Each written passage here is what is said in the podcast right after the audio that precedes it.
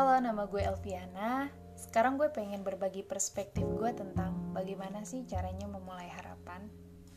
Oh iya, sebelum gue bercerita, kayaknya lebih enak kalian sambil pakai handset di malam hari dan menyendiri deh. Dengan begitu, semua hal positif yang saat ini lo dengerin bakal terekam di dalam alam bawah sadar lo. Langsung aja ya. Sedikit cerita, dulu sih gue adalah salah satu siswi yang kuper banget.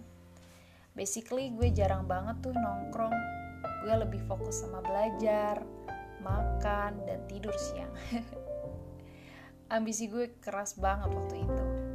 Gue mempunyai cita-cita suatu hari nanti gue pengen banget jadi seorang penulis. Kenapa sih penulis? Kenapa nggak dokter, guru, atau bahkan yang lainnya? Gue punya harapan itu karena pas dulu gue TK, gue pernah ikut lomba puitisasi Al-Quran. Waktu itu kalau nggak salah setingkat kabupaten deh. Gue lupa sih waktu itu. Dan bersyukurnya gue dapet peringkat. Dan sejak itu guru gue selalu minta gue buat bikin karangan bertema hari guru. Lalu pas SMP gue suka banget baca novel. Kadang gue pengen jadi seorang penulis buku yang orang lain bisa baca. Sesederhana itu ya. Tiap hari gue selalu bikin daily story gue di buku tanpa ada satupun orang lain yang tahu. Karena menurut gue nih, dulu itu adalah privacy gue yang gak worth it aja orang lain tahu.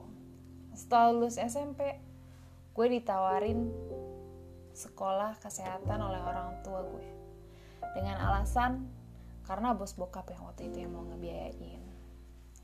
Gue mikir apa ini yang terbaik ya dari Tuhan. Gue ikutin kemauan orang tua saat itu. It's mean gue dewasa bukan seorang penulis tapi seorang dokter. Tapi kenyataannya ketika pengumuman siswa-siswi yang keterima di SMK tersebut, gue nggak lulus dalam seleksi.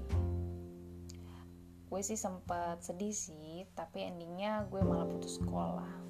Tambah sedih lagi, karena tidak ada biaya. Hmm, sedih banget.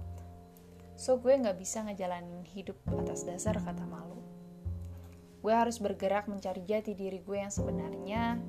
Saat itu umur gue sih sekitar 15 tahun deh kalau nggak salah ya dan gue kerja di salah satu restoran terdekat rumah di mana gue belajar apa itu SOP. Ketika lo kerja di restoran, SOP-nya tuh pasti harus ramah ya ke setiap tamu. Basically gue tuh orang yang kuper banget. Baru lulus SMP yang masih suci. Tapi ya gue jalanin sampai akhirnya gue tetap berambisi untuk melanjutkan sekolah. Walaupun hanya pakai C waktu itu. Gue percaya bahwa setiap manusia yang mempunyai niat baik pasti malaikat langsung respect dan menyampaikannya kepada Tuhan di singgasananya. Dan saat ini gue lagi kuliah di Universitas Negeri Terbuka di UPBJ Jakarta. Semua manusia yang punya harapan itu bukan yang karena even lo berpikir lo orang yang gak punya jadi gak akan mungkin bisa mewujudkannya. Tapi lo salah di mata Tuhan semua sama dan punya cara yang berbeda untuk tetap berusaha. Terima kasih sudah memantang kuping kalian buat dengerin cerita gue ini. Saat ini gue ada di samping kalian, lagi ngaminin setiap harapan kalian.